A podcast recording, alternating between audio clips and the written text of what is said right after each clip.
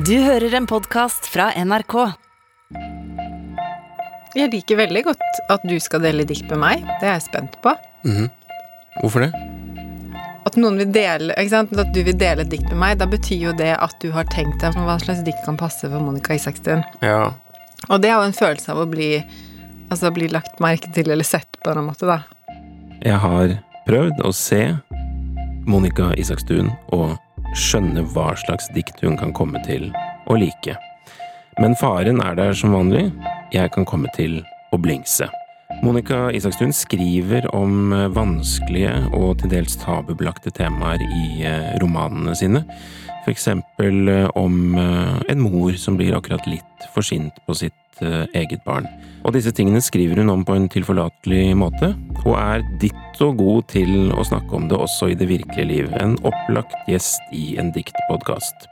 I tillegg til romaner har hun skrevet flere skuespill, og også gitt ut flere diktsamlinger, så jeg kan vel trygt kalle henne poet. Jeg, jeg har litt problemer med det der. Jeg- Jeg vet at, det, at jeg har gitt ut noe dikt, men jeg føler meg virkelig ikke som en poet. Hvorfor ikke? Fordi, eh, nei, fordi at jeg, jeg vet ikke, det har nok noe med tyngde i sjangerne at jeg har gitt ut Det er lenge siden jeg ga ut dikt. Ehm, hvis jeg har skrevet noe som ser ut som dikt den siste tiden, i et sånn julehefte eller sånne ting, så er ikke jeg tenker ikke at det er et dikt når jeg skriver det, det er bare at jeg bruker de der linjeskiftene veldig aktivt, kanskje som en sånn pust, en hvilepause. Sånn som jeg gjør når jeg Altså, jeg, jeg tenker heller at jeg skriver dramatikk, og så kan det hende at noen syns det ser ut som et dikt. Men jeg, jeg klarer ikke å liksom Jeg klarer ikke helt å si at jeg er poet, nei. Nei, ok. Ja. Det var et langt, omstendelig svar, men Nei, men det- altså, vi må få ting på bordet. Saken er jo at jeg liker å dele dikt, øh, og så lager jeg denne podkasten fordi øh, jeg har lyst til å bli klar over nye dikt som andre gir til meg. Øh, Det er en slags snarvei når noen andre ivrer for det. Og det skjer litt for sjelden, og jeg vil dele selv også, men jeg syns at det er litt skummelt fordi det kan bli en bommert. Så vi får se, da, Monica, om du liker dette her. Jeg har tenkt på det når jeg har gjort dette valget, og så har jeg også vært uh, veldig påvirket av at jeg har sett en, eh, en dokumentar som ligger uh, sånn at alle kan se på NRK TV. En dokumentar som heter Einars veg, som handler om forfatteren Einar Økland. Mm. Som uh, jeg ikke hadde lest så veldig mye av. Og det er nå helt ufattelig for meg, for nå har jeg brukt veldig mye tid på å, å lese Einar Øklands diktsamlinger og er meget begeistret. Og så synes det var det kjempevanskelig for meg å, å velge ett av to dikt som jeg blir satt, sittende med igjen til slutt. Og så tenker jeg kanskje at du rett og slett skal få velge basert på et innsalg av hvert av de to. Syns du det er greit? Jeg får ikke høre begge, jeg skal velge ett av de, basert på det bare si omtalen din av det. Ja. Okay, ja. Det blir liksom litt ulike veier å gå. Ok. Ja. Altså enten et dikt som Einar Økland skrev da han var 19 år, og som han hadde på trykk i eh, Haugesunds Avis. Et dikt som handler om eh, ja, valgmuligheter, eh, mulige veier i livet, og hvordan han benytter seg av disse valgmulighetene, eller ikke. Også et dikt han skal se tilbake på senere i livet og si at jøss, det var da utrolig så profetisk jeg visste Ja. meg å være om mitt eget liv og mitt eget syn på ting. Eller et dikt som kanskje ikke er et dikt helt, fordi det er en del av eh, den første romanen han skrev, en landskapsroman som han ga ut, som fikk tittelen Amatøralbum. Einar Økland flyttet hjem til barndomshjemmet sitt for en periode, satt på et lite rom på to ganger to meter mens han hadde den lille familien sin rundt seg. Kjøpte en platespiller for å overdøve, antagelig.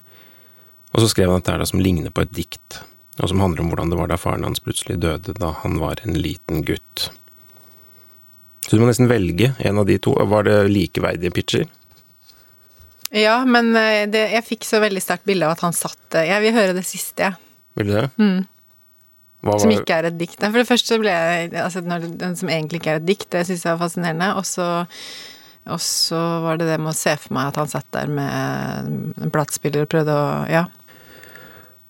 Jeg må puste litt. Jeg kjente jeg fikk litt høye skuldre av det der valgopplegget. At, eh, det følte det var høyt spill.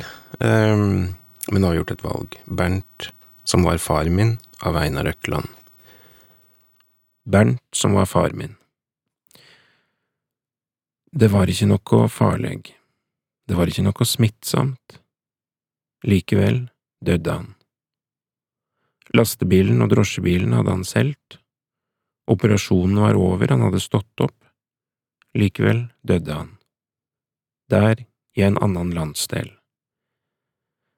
Ein stjernekveld kom eg heim, med stivklaka kjelketau, votter med isklumper, inne ved veggene på det trange kjøkkenet satt ei voksen og gret. Eg kraup inn under bordet, men da eg sjølv måtte gråte, rende eg ut og kasta meg ned i snøen bak hushjørnet. Einkvann bar meg inn. Eg sakna han ikkje. Eg hadde hørt for mye om barn som sakna foreldre. Jeg sansa han ikke. På skolen måtte hele klassen be for stakkar Einar som var uten far. Jeg var redd han sto attom ovnskjermen og høyrde. Far min, den eneste jeg aldri har vært anna enn glad i. Den eneste som har gjort at jeg kan være glad i andre og halde ut med meg sjølv. Eg sa ikke engang adjø den dagen i februar han måtte reise, med flekken på lunga og alle klærne til sanatoriet. Han vart bortkjørt av en annen sjåfør, i en bil som gikk seint og lydløst. Jeg drog meg attende opp skråninga i vegkanten da han tok avskil med mor mi. Far min, å ta på som usteikt brød, der han låg kledd i kvitt ned i løa, med lokket av.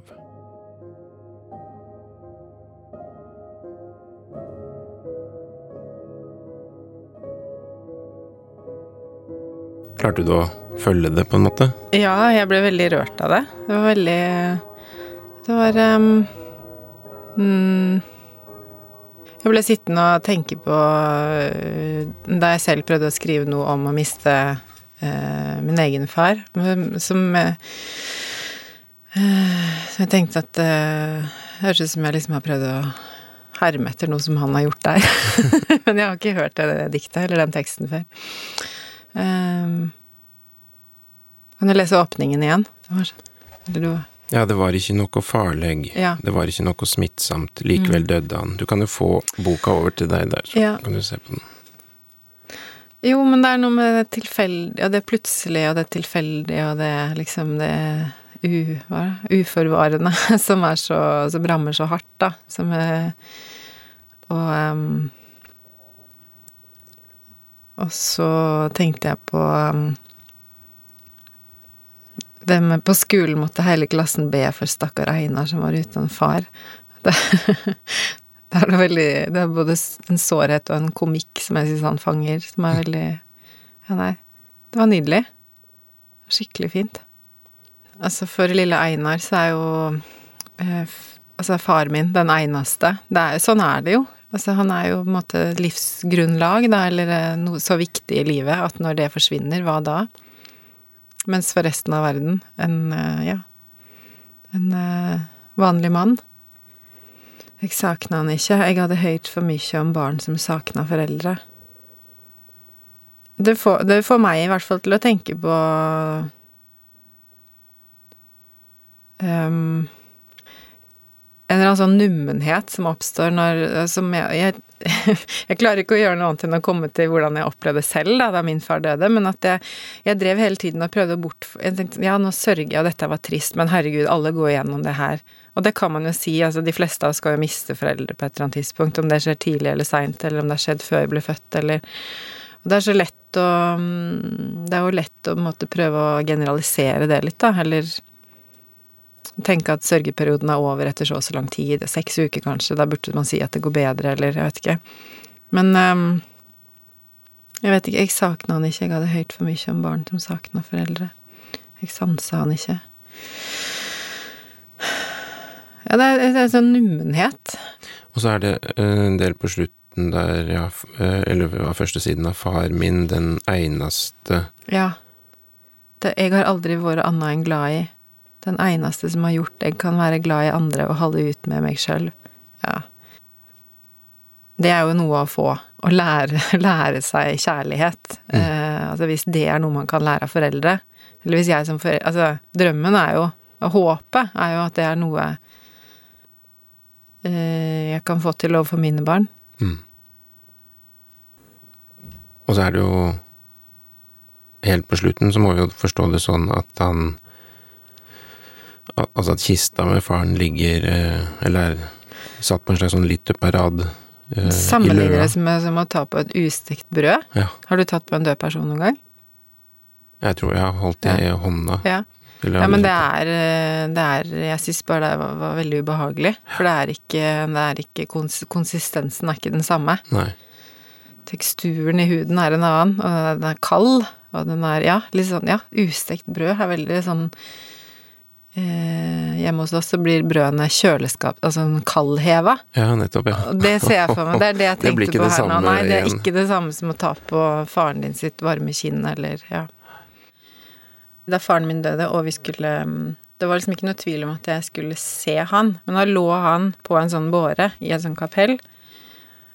Og så, fra jeg på en måte gikk inn der og skjønte at han ikke var han lenger, så opplevde jeg det som noe litt sånn teatralt også. At det var jeg tror, altså jeg gjorde jo ikke noe som jeg på en måte tenker at noen tvang meg til, men at jeg for eksempel, jeg tror jeg to, Altså, jeg Pappa og jeg klemte jo, men det var ikke sånn at jeg hadde for vane å kysse ham på kinnet. Og det gjorde jeg da han lå der og var død. Og, og først så tok jeg på, en måte på kinnet, og så, og så var det jo rart, for de hadde jo liksom gjort noe sånn, puttet noe i nesa hans, ikke han skulle bli ned... Altså, det, de gjør jo masse rart, ikke sant, med kroppene, med likene. Så det var liksom bare sånn Jeg syns det var ekkelt, rett og slett. Ehm, veldig fremmedgjørende. Og, og jeg ble også fremmed for meg selv. Så når jeg, jeg gjorde ting Jeg tenkte etterpå at nå gjorde jeg ting med pappa som, jeg, som var sånn rart for meg å gjøre. Han kjentes annerledes ut. Og da, og som, som Einar Økland skriver i det, i det diktet, da, at, han, at faren ligger der som en At det er som et Som en heva deig, eller heva brød. Mm. Ustekt brød, var det det? Ustekt brød, ja.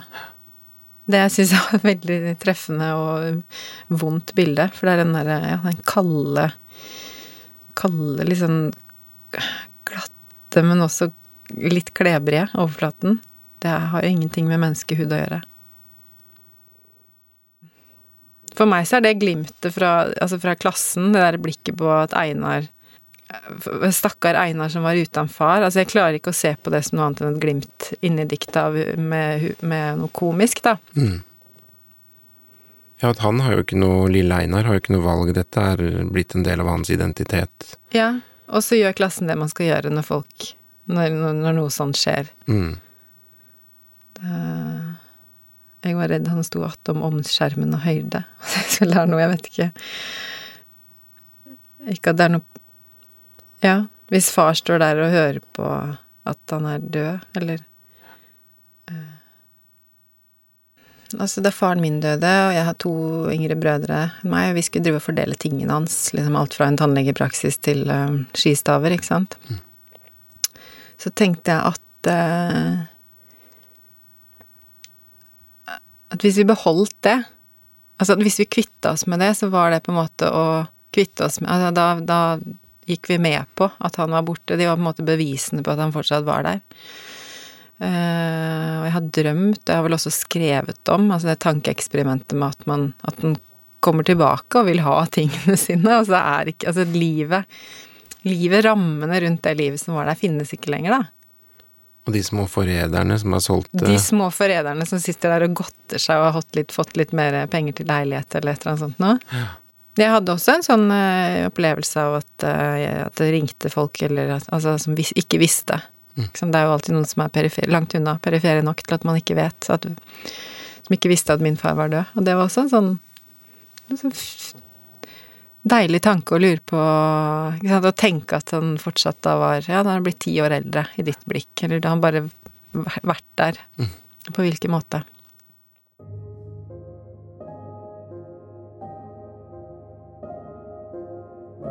Du deler et dikt med meg, og så går jeg rett inn i Ja, fordi jeg prøvde jo også å skrive sånn, men det, det er jo det, det setter jo i gang tanker som har med, med mine opplevelser og min skriving Sånn er det jo med all litteratur. Jeg bare kjente at jeg skamma meg litt at jeg skulle At, at Einar Økland skulle bli et slags gissel uh, for meg. Men du har jo ikke noe annet å gjøre enn å reagere på det. sånn Nei, jeg vet, nei, jeg vet, jeg vet. Jeg bare jeg er ikke, pleier jo ikke å sitte og dele dikt eller ta imot dikt hver dag, jeg heller. Takk for at du kom til denne podkasten, Monica Isakstuen. Takk for at jeg fikk komme. Jeg tenkte at eh, jeg var glad det ikke var lenger, for da hadde jeg sikkert blitt sittende og tute når du var ferdig.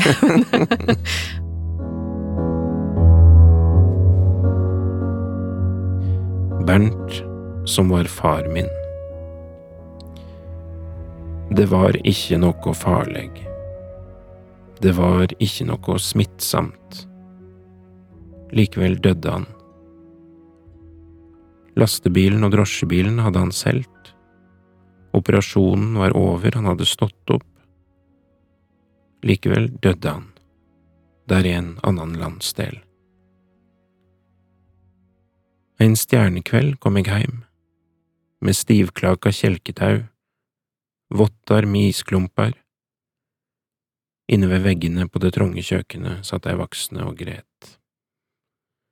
Jeg kraup inn under bordet, men da jeg sjølv måtte gråte, rende jeg ut og kasta meg ned i snøen bak hushjørnet. Einkvann bar meg inn. Jeg sakna han ikke, jeg hadde hørt for mye om barn som sakna foreldre. Jeg sansa han ikke. På skolen måtte hele klassen be for stakkar Einar som var uten far. Jeg var redd han sto attom omskjermen og høyde. Far min, den eneste jeg aldri har vært annet enn glad i, den eneste som har gjort jeg kan være glad i andre, og holde ut med meg sjøl. Jeg sa ikke engang adjø den dagen i februar han måtte reise, med flekken på lunga og alle klærne til sanatoriet.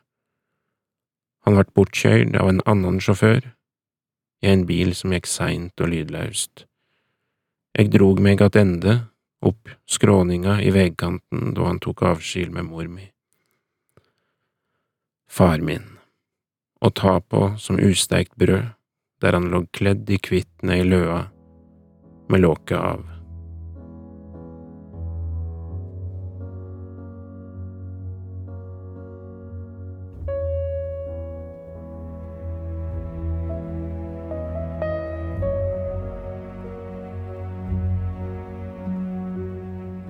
Brenner deler dikt er laget av meg, Hans Olav Brenner, Kristine Låsius Torin og Janne Kjellberg.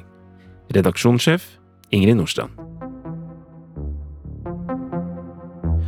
Jeg hadde tenkt på det som det mest naturlige i verden, men når jeg skal dele dikt med Jenny Skavlan, er hun rask med å påpeke at det føles litt småpinlig å skulle sitte og ta imot. Jeg har aldri blitt lest et dikt for sånn eh, bare to mennesker sånn, tror jeg. Så det er jo, føles jo litt intimt, men, eh, men dette skal jeg stå i. Vi unngår øyekontakt? Eller kan jeg liksom rette det veldig aktivt til deg? Nei, du kan, du kan eh, du, vi, vi kan godt eh, se hverandre litt i øynene iblant, altså. En podkast fra NRK. De nyeste episodene hører du først i appen NRK Radio.